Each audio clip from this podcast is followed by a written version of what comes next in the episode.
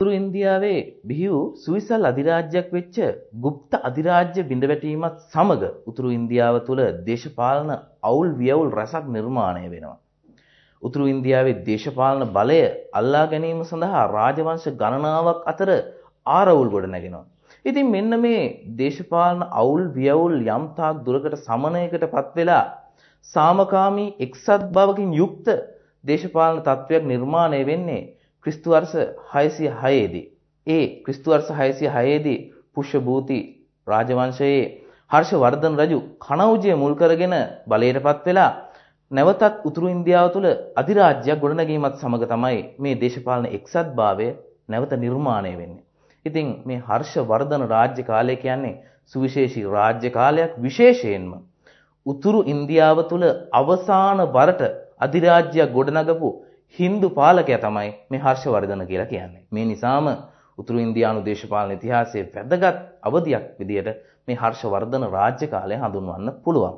මේ හර්ෂවර්ධන රාජ්‍ය කාලය එහෙම නැත්නම් හර්ෂ අධිරාජ්‍ය පිළිබඳ කතා කරනකොට ප්‍රධාන වශයෙන්ම ඔහුගේ ප්‍රධාන අමාත්‍යවරයෙක් වෙච්ච භාන භට්ට විසින් රචනා කරන ලද හර්ෂ චරිතය වඩාත් වැදගත් වෙනවා. ඒ වගේම තමයි මේ කාලෙදී ඉන්දියාවට පැමිණි චීන ජාතික භික්ෂුවක් වෙච්ච හියුන්සාන් හිමියන්ගේ වාර්තාවත් ගොඩක් වැදගත් වෙනවා. ඒකිනුත් විශාල තොරතුරු ප්‍රමාණයක් මේ හර්ෂවර්ධන රාජ්‍ය කාලය පිළිබඳ ලබා ගන්න පුළුවන්කම තියෙනවා. ඒ වගේම හර්ෂ රජතුමා විසින්ම රචනා කරපු කෘති වෙච්ච ප්‍රියදර්ශිකා, නාගානන්ද, රත්නාවලිය කියන ග්‍රන්ථවලිනුත් මේ යුගය පිළිබඳ තොරතුරු හඳුනා ගන්න පුළුවන්. ඊට අමතරව චාලුක්‍ය වංශයේ දෙවන පුලකේශි රජතුමාගේ සෙල්ලිපියක් වෙච්ච අයිහෝල් සෙල්ලිපියක්.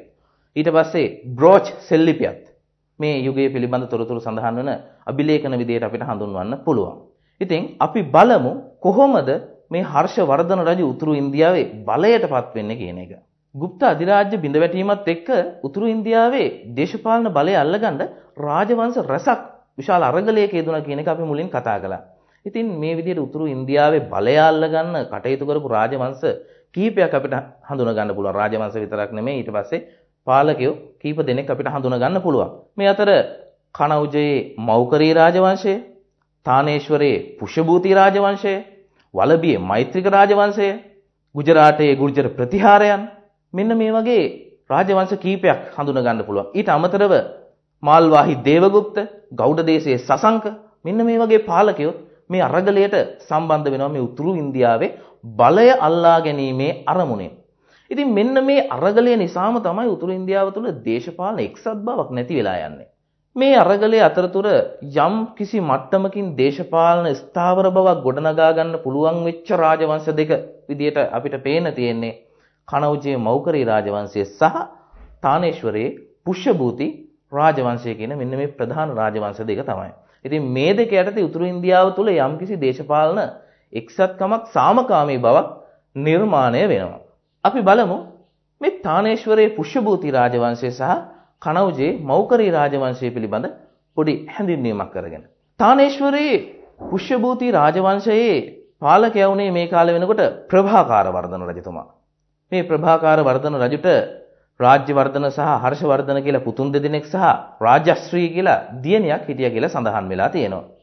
ඉතින් බාණ භට්ටගේ හර්ෂ චරිතය අනුව මේ ප්‍රභාකාර වර්ධන රජු ප්‍රදේශ රසක් ජයග්‍රහණය කරමින් තමන්ගේ බලය ව්‍යාප්ත කළා කියලා සඳහන් වෙලා තියෙනවා. ඒ වගේම තමයි මේ කාලෙදී වයඹ දිගෙන් ඉන්දියාව ආක්‍රමණය කරනවා හූන කියලා හඳුන්වපු ගෝත්‍රික කණ්ඩායමක්. ඉතින් මිහිර කුල කියන නායකයා යටතේ සංවිධානය වෙච්ච හූනවරු මේ ඉන්දියාව ආක්‍රමණය කරනවා.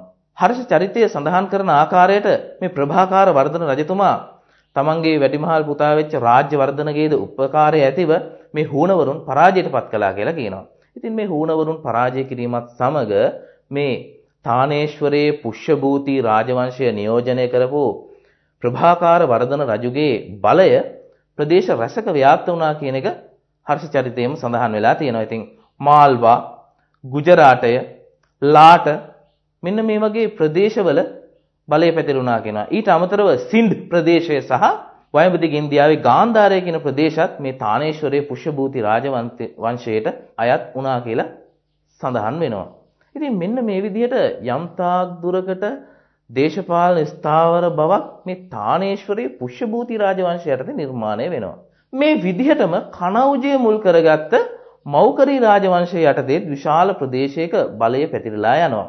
කනවුජේ මෞකරී රාජවංශයේ හිටපු එක පාලකෙක් තමයි ඊසානවර්මන් කියලා කියන්නේ.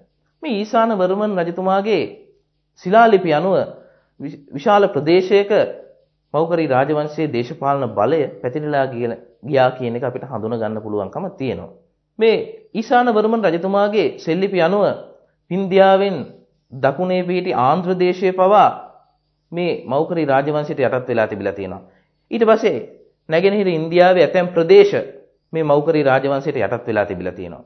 ඉතින් මේ විදිහට මෞකරී රාජවංශය යටතේ යම්කිසි දේශපාලන ස්ථාවර බවක් උතුරු ඉන්දියාවේ සහ ඉන්දියාවෙන් දකුණේ ඇතැම් ප්‍රදේශ සම්බන්ධයෙන් සාමකාමී තත්ත්වයක් ගොඩනැගිලා තියෙනවා. ඉතින් මේ කාලෙදී තානේශ්වරයේ පුෂ්‍යභූති රාජවංශයේ ප්‍රභාකාර වර්ධන රජතුමා පාලනය කරන අවධියේදී මේ කනෞජිය මුල් කරගෙන මෞකරි රාජවංශයේ පාලන කටයුතු මෙහෙවන්නේ අවන්තිවර්මන් කියන පාලකයා. ප්‍රභාකාර වර්ධන රජු තමන්ගේ දියණිය වෙච්ච රාජශ්‍රී කියන කුමරිය විවාහ කරලා දුන්නා කියනවා මේ කනෞජයේ හිටපු මෞකරි රාජවංශයේ අවන්තිවර්මන්ගෙන් පස්සේ රාජ්‍ය බලය උරුම වෙලා හිටපු ග්‍රහවර්මන් කියන කුමාරයාට විවාහ කරලා දුන්නා කියනවා. ඉතින් අවන්තිවර්මන්ගෙන් පස්සේ මෞකරි රාජවංශයේ බලයටපත් වෙන්නේ ග්‍රහවර්මන්. ඉතින් මෙන්න මේ රාජ්‍යයන් දෙක අතර ඇතිවෙච්ච විවාහ සම්බන්ධතාවය නිසා උතුරු ඉන්දියාව තුළ තව දුරටත් දේශපාලන එක්සත්භාවයක් නිර්මාණය වෙන්න හේතුවක් වුණා කියන එක පැහැදිලියි. ඉතින් මේ රාජවංශ දෙක එක්සත් වීමත් එක්ක උතුරු ඉන්දියාවේ දේශපාලන බලය එක්තරා ආකාරයක විශාල ප්‍රදේශයක පැතිරලා යාමටත් ඒ වගේම උතුරු ඉන්දියාවේ විශාල ප්‍රදේශයක සාමකාමී වාතාවරණයක් නිර්මාණය වෙන්නත් දේශපාලන ස්ථාවරභාවයක් ගොඩනගෙන්නත් මෙන්න මේ විවාහ සම්බන්ධතාවය හේතු වුණා කියලා අපිට කියන්න පුළුවන්. තානේශ්වරයේ පුෂ්‍යභූති රාජවංශයේ ප්‍රභාකාර වර්ධන රජතුමාගෙන් පස්සේ තානේශ්වරයේ බලයටපත් වෙන්නේ ඔහුගේ පුතා වෙච්ච රාජ්‍යවර්ධන. ඒ වගේම මම කිව්වා කනෞජයේ මෞකරී රාජවංශයේ අවන්තිවර්මන්ගෙන් පස්සේ බලයටපත් වෙන්නේ ඔහුගේ පුතා වෙච්ච ග්‍රහවර්මන් කියලා. ඉතින් මේ ප්‍රභාකාර වර්ධන රජතුමා මිය ගියාට පස්සේ මෙන්න මේ කාලෙදී මාල්වා ප්‍රදේශය පාලනය කරමින් හිටපු දේවගුප්ත කියන පාලකයා කනෞජය ආක්‍රමණය කරනවා. කනෞජය ආක්‍රමණය කරලා කනෞජයේ පාලකයා වෙච්ච ග්‍රහවර්මන්ව මරණයට පත් කරනවා. ඒ විතරක් නෙමෙයි රාජශ්‍රී කියන කුමරිය සිරභාරයට ගත්තා කියලා සඳහන් වෙනවා. ඔහුගේ ඊළඟ අරමුණ වෙලා තියෙන්නේ තානේශ්වරයට පහර දෙන එක. ඉතින් මෙන්න මේ සිදුවීම ආරංචි වෙන තානේශ්වරයේ පාලකයා වෙච්ච රාජ්‍යවර්ධන රජු. ඔහු තමන්ගේ නැගණිය බේරා ගැනීමේ අදහසින් සහ මාල්වාහි දේවගුප්ත කියන පාලකයාගේ පරිගැනීමෙන් අරමුණෙන් මාල්වා ප්‍රදේශය ආක්‍රමණය කළා කියලා සඳහන් වෙනවා. ඉතින් මේ ආක්‍රමණයේදී දේවගුප්ත මිය ගියා කියලත් සඳහන් වෙලා තියෙනවා හර්ෂ චරිතේ. නමුත් මේ රාජ්‍යවර්ධන රජු ගෞඩ දේශයේ සසංක සමග ඇතිවෙච්ච ගැටුමක් නිසා අවසානයේදී සසංක අතින් මරණයටපත් වුණා කියලා මූලාශ්‍රවල සඳහන් වෙලා තියෙනවා. මේ රාජ්‍යවර්ධන රජු මේ ආක්‍රමණය සඳහා පිටත් වෙන්න කලින් තානේශ්වරයේ සිංහාසනය බාර දීලා ගිහින් තියෙනවා తాවකාලිකව తాවකාලිකව ඔහුගේ සොහොයුරා වෙච්ච හර්ෂවර්ධනට. දැන් රාජ්‍යවර්ධන රජු සසංක අතින් මිය ගියාට පස්සේ තානේශ්වරයේ සිංහාසනය සඳහා උරුමකම් කීමට හිටිය එකම පුද්ගලයා වුණේ හර්ෂවර්ධන. මේ අනුව හර්ෂවර්ධන තානේශ්වරයේ බලයටපත් වෙනවා. ඒ බලයටපත් වීමත් සමග ඔහු ශිලාදිත්‍ය කියන විරුදය පාවිච්චි කළා කියලා හර්ෂ චරිතය ඇතුළු මූලාශ්‍රවල සඳහන් වෙලා තියෙනවා. තානේශ්වරයේ බලයටපත් වෙච්ච හර්ෂ රජුගේ ප්‍රධානම අරමුණ උනේ තමන්ගේ නැගණිය බේරා ගැනීම සහ ගෞඩ දේශයේ සසංක රජුගෙන් පලි ගැනීම. ඉතින් මේ අනුව හර්ෂවර්ධන රජු තමන්ගේ මේ නැගණිය බේරා ගැනීම සඳහා යුද්ධ ව්‍යාපාරයක් ආරම්භ කළා කියලා සඳහන් වෙනවා හර්ෂ චරිතයේ. හර්ෂ චරිතය සඳහන් කරන ආකාරයට ජය කාහල නංවමින් තමන්ගේ යුද්ධ ව්‍යාපාරය ආරම්භ කළා කියලා සඳහන් වෙනවා. ඒ වගේම තමයි තමන්ගේ ඇමතිවරුන් ලවා අනෙකුත් සියලුම රාජ්‍යයන්ට දැනුම් දුන්න කියනවා තමන්ගේ ආධිපත්‍ය පිළිගන්න නැත්නම් යුද්ධයකට සූදානම් වෙන්න කියලා. ඉතින් මේ තුලින් එක්තරා ආකාරයකට මේ හර්ෂ රජුගේ දික්විජය ව්‍යාපාරය පිළිබඳ එහි ප්‍රබලත්වය පිළිබඳ යම්කිසි අවබෝධයක් අපිට ලබා ගන්න පුළුවන්කම තියෙනවා. ඉතින් හර්ෂ රජු තමන්ගේ නැගණිය බේරා ගැනීමේ අරමුණෙන් ආක්‍රමණය සිද්ධ කරනකොට නැගණිය වෙච්ච රාජශ්‍රී කුමරිය මේ සිරභාරයෙන් මිදිලා වින්ධ්‍යා කඳුකරේ දිශාවට පලා ගියා කියලා ප්‍රියදර්ශිකා කියන ග්‍රන්ථයේ සඳහන් වෙලා තියෙනවා. මේක හර්ෂ රජතුමා විසින්ම රචනා කරන ලද ග්‍රන්ථයක්. ඉතින් හර්ෂවර්ධන රජුත් මේ වින්ද්‍යා වනයේ දෙසට ගිහිල්ලා රාජශ්‍රී කුමරියව බේරාගත්තා කියලා සඳහන් වෙලා තියෙනවා ප්‍රියදර්ශිකා කියන ග්‍රන්ථයේ. ඒ වගේම තමයි මේ හර්ෂ රජතුමා මේ වින්ද්‍යා වනයේට යනකොට රාජශ්‍රී කුමරිය සති පූජාවකට සූදානම් වෙමින් හිටිය කියලා තමයි ප්‍රියදර්ශිකා කියන ග්‍රන්ථයේ සඳහන් වෙලා තියෙන්නේ. කොහොම නමුත් හර්ෂ රජු තමන්ගේ නැගණිය වෙච්ච රාජශ්‍රී කුමරිය නැවතත් කනෞජයට කැඳවාගෙන ගියා කියලා සඳහන් වෙලා තියෙනවා.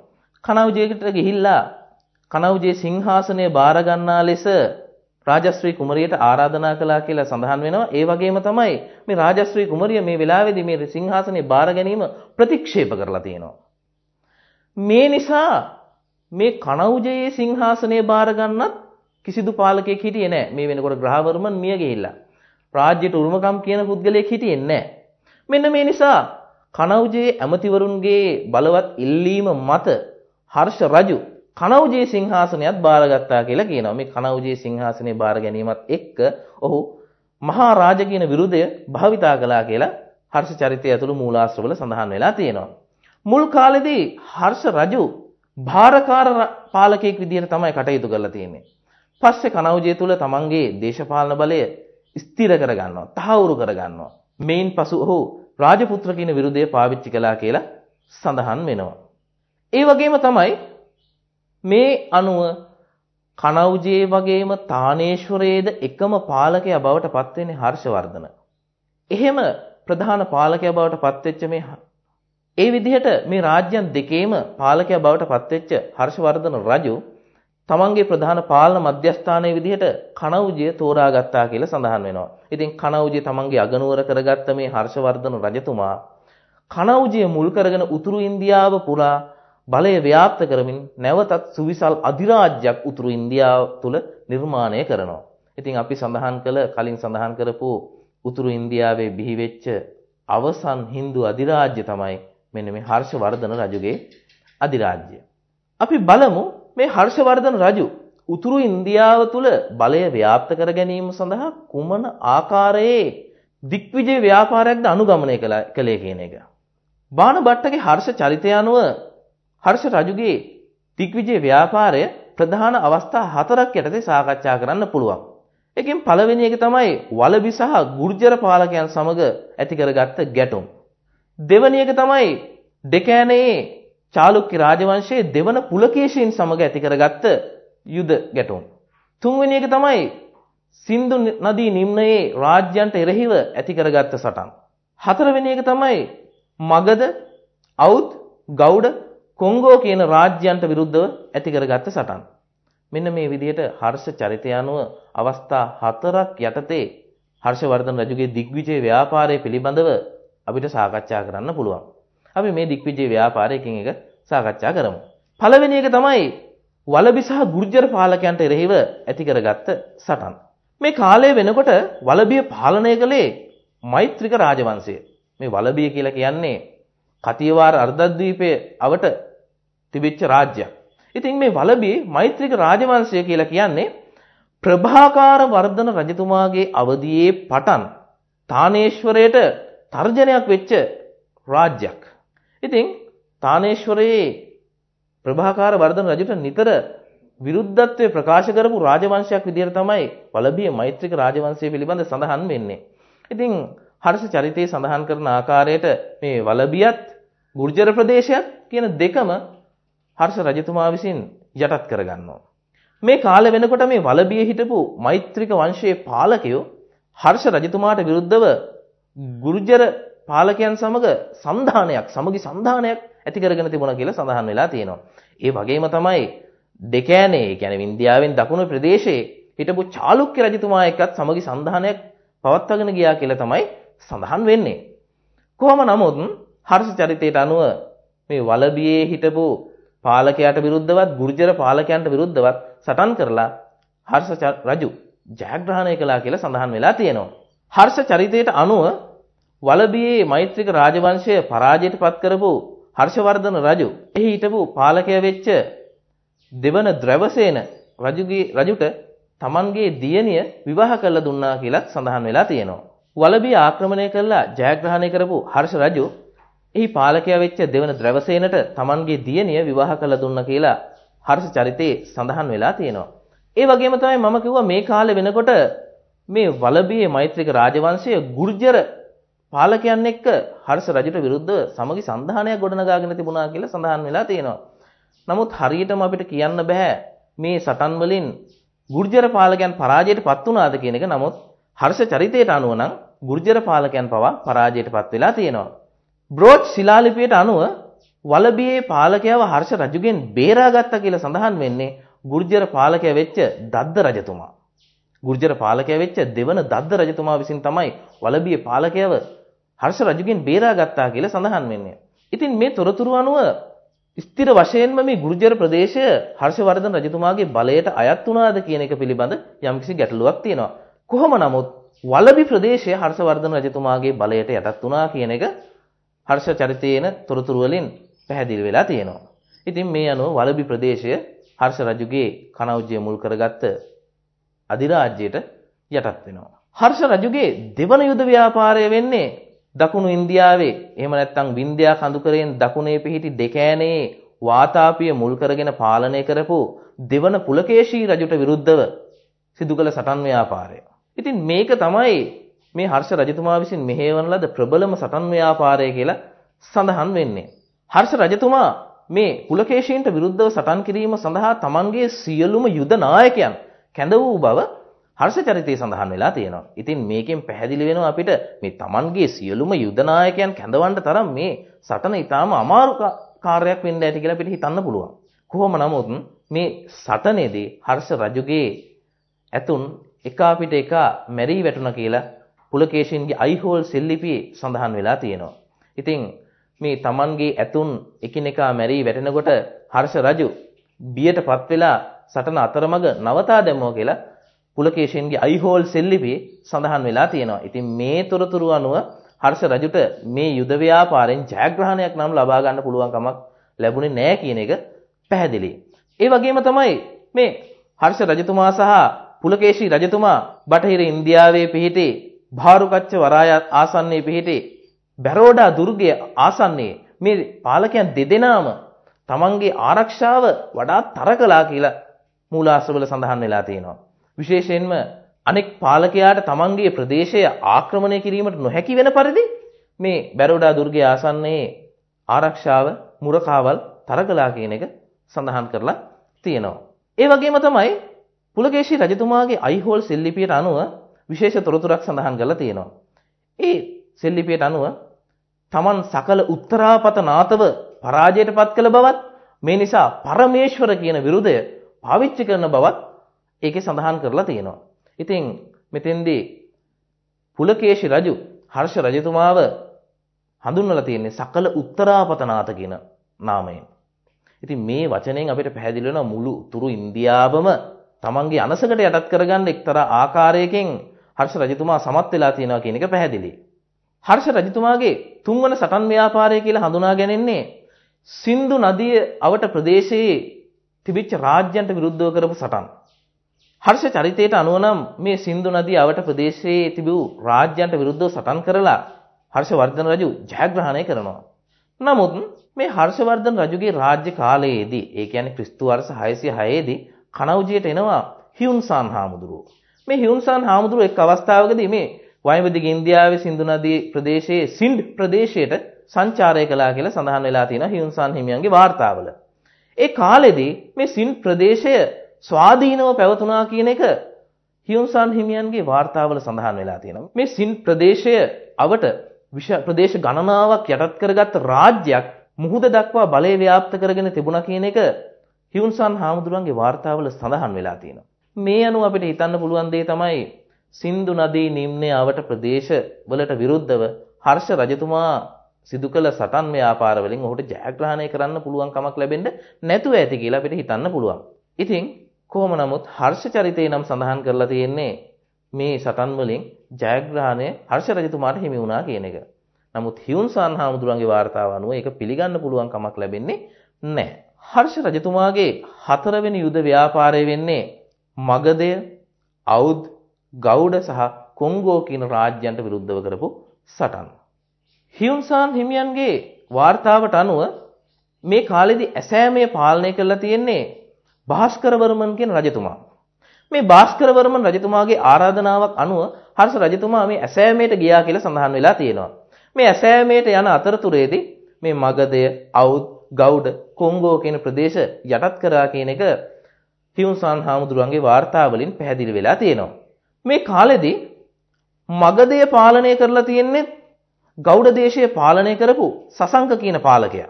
හර්ෂවර්ධන රජතුමා මේ හියුන්සාන් හාමුදුරුවන්ගේ වාර්තාවට අනුව හර්ෂවර්ධන රජු ඇසෑමේට යන කාලෙදී මගධය යටත් කරගෙන ඉඳලා තියෙන්නේ ගෞඩ දේශයේ සසංක. හර්ෂවර්ධන රජතුමා මේ මගධය ඔස්සේ යනකොට මේ මගධදී මගධය පාලන හර්ෂවර්ධන රජතුමා මේ මගධය හරහා යනකොට මගධය පාලනය කරමින් හිටපු ගෞඩ දේශයේ සසංකට පහර දීලා ඔහුව තමන්ගේම ප්‍රදේශයට පළවා හැරිය කියලා හියුන්සාන් හාමුදුරුවෝ වාර්තා කරලා තියෙනවා. මේ තමන්ගේම ප්‍රදේශය කියලා කියන්නේ ගෞඩ දේශයටම පළවා හැරියා කියන එක තමයි සඳහන් වෙන්නේ. ඉතින් මේ අනුව හර්ෂවර්ධන රජතුමාගේ බලය මගධේ ස්ථාපිත වුණා කියන එක අපිට හිතන්න පුළුවන්. ඒ වගේම තමයි හියුන්සාන් හාමුදුරුවෝ තවත් සුවිශේෂී සිදුවීමක් වාර්තා කරනවා. ඒ තමයි පස්සේ කාලෙකදී මේ ගෞඩ දේශයේ සසංක බුද්ධ ගයාවේ ශ්‍රී මහා බෝධිය කපා දැමුවා කියනවා. ඒ පාපය නිසාම ඔහු මිය ගියා කියලා වාර්තා කරලා තියෙනවා. ඉතින් මේ ගෞඩ දේශයේ සසංක මිය යාමත් සමග ගෞඩ දේශයේ බලයත් හර්ෂගේ අධිරාජ්‍යයට යටත් වෙන්න ඇති කියලා විශ්වාස කරන්න පුළුවන්. ඒ වගේම තමයි යුන්සාන්ගේ වාර්තාවට අනුව මේ ඇසෑමේට යන අතරතුර අවුද් කොංගෝ කියන ප්‍රදේශ ආසන්නයේ පිහිටි කජංගල කියන ප්‍රදේශයේ මේ රජතුමා නැවතිලා හිටියා කියලා සඳහන් වෙනවා. ඉතින් මේ අනුව අවුද් කොංගෝ කියන ප්‍රදේශවල බලයත් හර්ෂවර්ධන රජුගේ අනසකට යටත් වුණා කියලා අපිට විශ්වාස කරන්න පුළුවන්. මෙන්න මේ විදිහට තමයි හර්ෂවර්ධන රජතුමාගේ හතරවෙනි යුද ජයග්‍රහණය වාර්තා වෙන්නේ. කොහොම නමුත් මේ හර්ෂවර්ධන රජතුමාගේ යුද ව්‍යාපාරයේ ප්‍රධාන අවස්ථා හතරක් යටතේ අපි මේ විදිහට සාකච්ඡා කරනවා. මේ යුද ව්‍යාපාරයේ ප්‍රතිඵලයක් විදිහට උතුරු ඉන්දියාව තුල විශාල ප්‍රදේශයක බලය තහවුරු කරගනිමින් විශාල අධිරාජ්‍යයක් නිර්මාණය කරන්න හර්ෂ රජතුමාට හැකියාව ලැබුණා කියන එක අපිට පැහැදිලියි.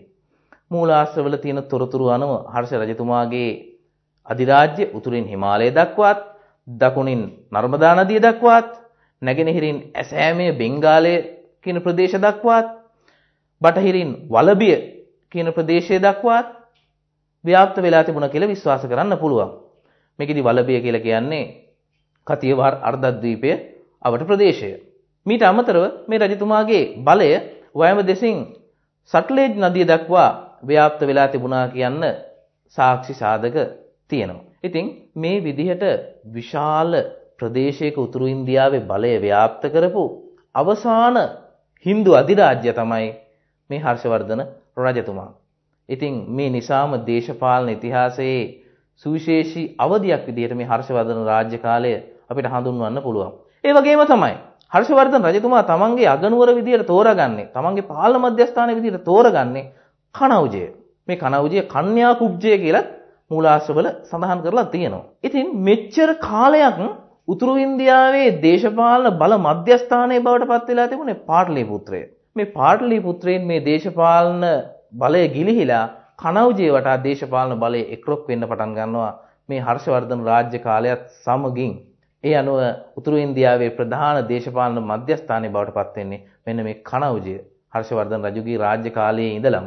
ඉතින් මේකත් හර්ෂවර්ධන රාජ්‍ය කාලයේ හා බැඳුණු තවත් එක් සුවිශේෂී දේශපාලනික සිදුවීමක් කියලා අපිට කියන්න පුළුවන්. හර්ෂවර්ධන රජතුමාගේ රාජ්‍ය කාලය ගැන කතා කරනකොට ඔහුගේ රාජ්‍ය කාලය වැදගත් වෙන්නේ දේශපාලනික වශයෙන් විතරක්ම නෙමෙයි. සංස්කෘතික වශයෙන්ද විශාල වැදගත්කමක් මේ හර්ෂ රජුගේ රාජ්‍ය කාලය තුල තියෙනවා. මූලාශ්‍රවල තියෙන තොරතුරු වලින් මේ බව පැහැදිලි වෙනවා. විශේෂයෙන්ම මේ රජතුමාගේ රාජ්‍ය කාලයේ සංස්කෘතික තොරතුරු හඳුනා ගැනීම සඳහා වඩාත් වැදගත් වෙන්නේ මේ කාලෙදී ඉන්දියාවට ආපු හියුන්සාන් හිමියන්ගේ වාර්තා. මේ හියුන්සාන් හිමියන්ගේ වාර්තාවල අති උත්කර්ෂවත් විදිහට හර්ෂවර්ධන රජුගේ රාජ්‍ය තුල සිද්ධ වෙච්ච සංස්කෘතික කාර්යයන් පිළිබඳව විස්තර කරලා තියෙනවා. අපි බලමු හර්ෂවර්ධන රජතුමා යටතේ කුමන ආකාරයේ සංස්කෘතික අභිවර්ධනයක්ද සිද්ධ වෙන්නේ කියන එක. හර්ෂවර්ධන රජතුමාගේ සංස්කෘතික කටයුතු අතරින් ප්‍රධානම දේ තමයි මෙතුමා Hindu ආගමිකයෙක් නමුත් සියලුම ආගම් වලට අනුග්‍රහය දක්වපු ආගමික සහනශීලී ප්‍රතිපත්තියක් අනුගමනය කරපු පාලකෙක් විදිහට තමයි අපිට හඳුනා ගන්න පුළුවන්කම ලැබෙන්නේ. මුල් කාලයේදී Hindu භක්තිකයෙක් විදිහට හිටපු මේ රජතුමා හියුන්සාන් හාමුදුරුවන් එක්ක ඇතිවෙච්ච මිත්‍රත්වයේ මත පදනම් වෙලා අවසානයේ බුදුදහම වැළඳගත්තා කියලා හියුන්සාන් හාමුදුරුවන්ගේ වාර්තාවල සඳහන් වෙලා තියෙනවා. ඉතින් කොහොම නමුත් මේ රජතුමා තමන්ගේ රාජ්‍ය කාලය තුල එක ආගමකට විතරක් නෙමෙයි සියලුම ආගම් වලට අනුග්‍රහය ලබා දෙමින් ආගමික සහනශීලී ප්‍රතිපත්තියක් තමන්ගේ රාජ්‍ය තුල ක්‍රියාත්මක කළා කියන්නේ පැහැදිලි තොරතුරු රැසක් අනාවරණය වෙලා තියෙනවා.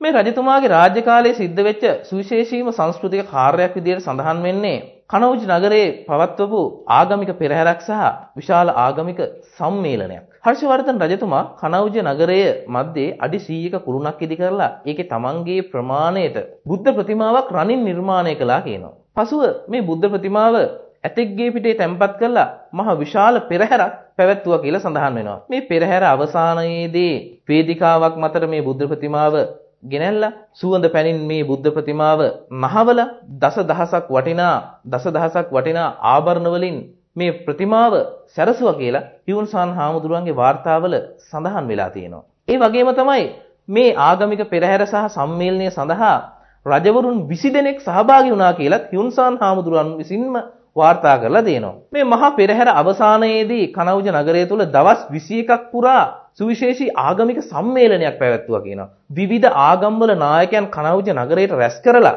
උගත් අමාත්‍යවරුන්, උගත් රාජකුමාරවරුන් ඒකරාශී කරලා මේ කනවුජ නගරය තුල පවත්වපු ආගමික සම්මේලනයේදී විවිධ දාර්ශනික මත සාකච්ඡා කළා කියනවා. ඉතින් මෙතෙන්දිත් විවිධ ආගම්වල නායකයෝ මේ සම්මේලනයට සහභාගී කරවා ගැනීමෙන් අපිට පැහැදිලි වෙන දේ තමයි මේ රජතුමාගේ තිබිච්ච ආගමික සහනශීලී ප්‍රතිපත්තිය. ඉතින් මෙන්න මේ කනෞජ නගරයේ පවත්වපු මහා පෙරහැර සහ ආගමික සම්මේලනය හර්ෂවර්ධන රාජ්‍ය කාලය තුල සිද්ධ වෙච්ච සුවිශේෂීම සංස්කෘතික කාර්යයක් කියලා අපිට හඳුන්වන්න පුළුවන්. හර්ෂවර්ධන රජතුමාගේ රාජ්‍ය කාලයේ සිද්ධ වෙන තවත් සංස්කෘතික කාර්යයක් වෙන්නේ අලහබාද් කියන නගරයේ පවත්වන ලද මෝක්ෂ පර්ෂද් කියලා හඳුන්වන පංච වාර්ෂික මහා දාණය. මේ දාණය පිළිබඳවත් හියුන්සාන් හාමුදුරුවන්ගේ වාර්තාවලම සඳහන් වෙලා තියෙනවා.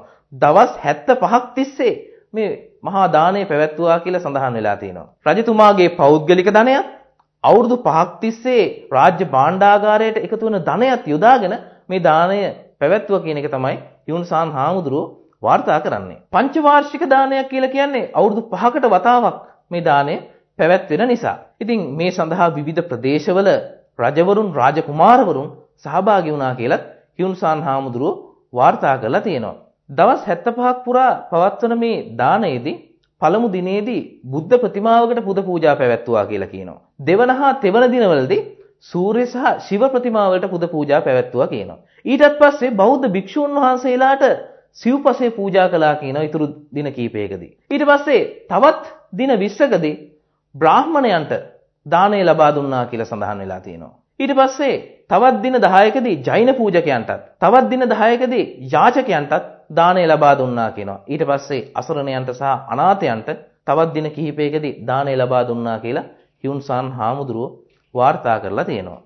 ඉතින් මේ මහා දානය තමයි මෝක්ෂ පරිෂත් කියලා හඳුන්වන්නේ. ඉතින් හර්ෂවර්ධන රජුගේ රාජ්‍ය කාලය තුල ක්‍රියාත්මක වෙච්ච තවත් සුවිශේෂී සංස්කෘතික කාර්යයක් විදිහට මේ අලහබත් නගරයේ පැවැත්වපු මෝක්ෂ පරිෂත් කියන මේ මහා දාණය හඳුන්වා දෙන්න පුළුවන්. හර්ෂවර්ධන රජතුමාගේ සංස්කෘතික කාර්යයන් පිළිබඳ සාකච්ඡා කරනකොට මේ රජතුමාගේ රාජ්‍ය කාලය තුලදී උගත් පඬිවරුන්ට සුවිශේෂී අනුග්‍රහයක් ලැබිලා තියෙනවා. රාජ්‍ය ආදායමෙන් හතරෙන් එකක් උගත් පඬිවරුන්ට ලබා දුන්නා කියන එක හියුන්සාන් හාමුදුරුවෝ වාර්තා කරලා තියෙනවා. ඒ වගේම තමයි හියුන්සාන් හාමුදුරුවෝ වාර්තා කරන විදිහට ඇතැම් අවස්ථාවලදී මේ උගත් පඬිවරුන්ට ගම්බෙන් පූජා කිරීම පවා සිද්ධ කරලා තියෙනවා. මේ తත්වය යටතේ හර්ෂවර්ධන රාජ්‍ය කාලය තුල සාහිත්‍යයේ ඉතා විශාල දියුණුවක් ඇති වෙනවා. ඒ වගේම තමයි මේ කාලේ තිබිච්ච තක්ෂිලා, නාලන්දා, වලබි කියන ඉන්දියාවේ විශ්වවිද්‍යාල සඳහා මේ රජතුමා විසින් විවිධ අනුග්‍රහයන් ලබා දුන්නා කියන එක හියුන්සාන් හාමුදුරුව විසින්ම වාර්තා කරලා තියෙනවා. සාහිත්‍ය කටයුතු සඳහා මේ රජතුමාගෙන් සුවිශේෂී අනුග්‍රහයක් ලැබෙනවා. විශේෂයෙන්ම මේ කාලේ හිටපු උගත් පඬිවරුන්ට රජුගේ අනුග්‍රහය ලැබෙනවා. මේ නිසාම වටිනා සාහිත්‍ය කෘති රැසක් මේ අවධියේදී නිර්මාණය වෙනවා. රජුගේ ප්‍රධාන අමාත්‍යවරයා වුණේ බාණභට්ට. මේ බාණභට්ට විසින් හර්ෂ චරිතයත්, කාදම්බරියත්, චණ්ඩි ශතකය කියන ග්‍රන්ථයක් රචනා කළා කියලා සඳහන් වෙනවා. ඒ වගේම තමයි මේ කාලේ හිටපු තවත් පඬිවරයෙක් තමයි මයුර කියලා හඳුන්වන්නේ. මේ මයුර කියන පඬිවරයා විසින් සූර්ය ශතකය රචනා කළා කියලා සඳහන් වෙනවා. ඒ වගේම තමයි හර්ෂ රජතුමා කියන්නේ බොහොම උගත් දක්ෂ පඬිවරයෙක් කියලා තමයි මූලාශ්‍රවල සඳහන් වෙන්නේ. එතුමා විසින් ප්‍රියදර්ශිකා රත්නාවලි නාගානන්ද කියලා ප්‍රධාන නාට්‍ය ග්‍රන්ථ තුනක් රචනා කරනවා. ඉතින් මේ රජතුමා උගත් බුද්ධිමත් පුද්ගලයෙක් වීමත් සාහිත්‍ය කටයුතු වලට සුවිශේෂී අනුග්‍රහයක් ලැබෙන්න හේතුවක් වෙන්න ඇති කියලා විශ්වාස කරන්න පුළුවන්. කොහොම නමුත් හර්ෂ රජුගේ සංස්කෘතික කාර්යයන් අතර මේ සාහිත්‍ය කටයුතු දියුණු කිරීමටත් අධ්‍යාපන කටයුතු දියුණු කරන්නත් මේ ලබා දීපු අනුග්‍රහය සුවිශේෂී වැදගත්කමකින් යුක්ත වෙනවා. ඉතින් මේ විදිහට කතා කරනකොට හර්ෂ රජු කියන්නේ උතුරු ඉන්දියාවේ බිහිවෙච්ච අධිරාජ්‍යයක් විතරක්ම නෙමෙයි. උතුරු ඉන්දියාව තුළ සංස්කෘතික කටයුතු දියුණු කරමින් සංස්කෘතික අභිවර්ධනයක් නිර්මාණය කරන්න කටයුතු කරපු පුද්ගලයෙක් කියලා අපිට හඳුන්වන්නත් පුළුවන්.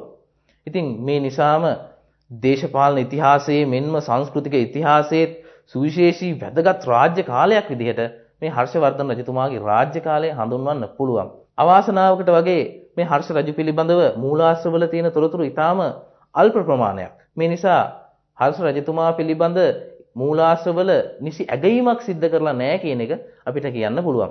ඉතින් විවිධ මූලාශ්‍රවල සඳහන් වෙන තොරතුරු ඒකාබද්ධ කරලා ගන්නකොට අපිට හඳුනා ගන්න පුළුවන් දේ තමයි හර්ෂ අධිරාජ්‍ය කියලා කියන්නේ ඉන්දියානු ඉතිහාසයේ බිහිවෙච්ච සුවිශේෂී පාලකයෙක් කියන එක අපිට හඳුනා ගන්න පුළුවන්.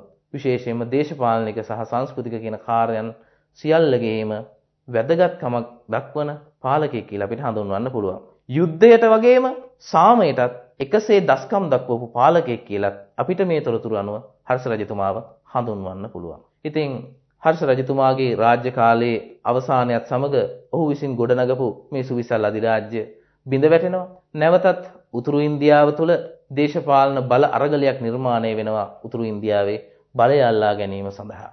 ඉතින් මේ අනුව නැවතත් අස්ථාවර දේශපාලන තත්වයක් හර්ෂ අධිරාජ්‍යයෙන් පස්සේ උතුරු ඉන්දියාවට උරුම වෙනවා.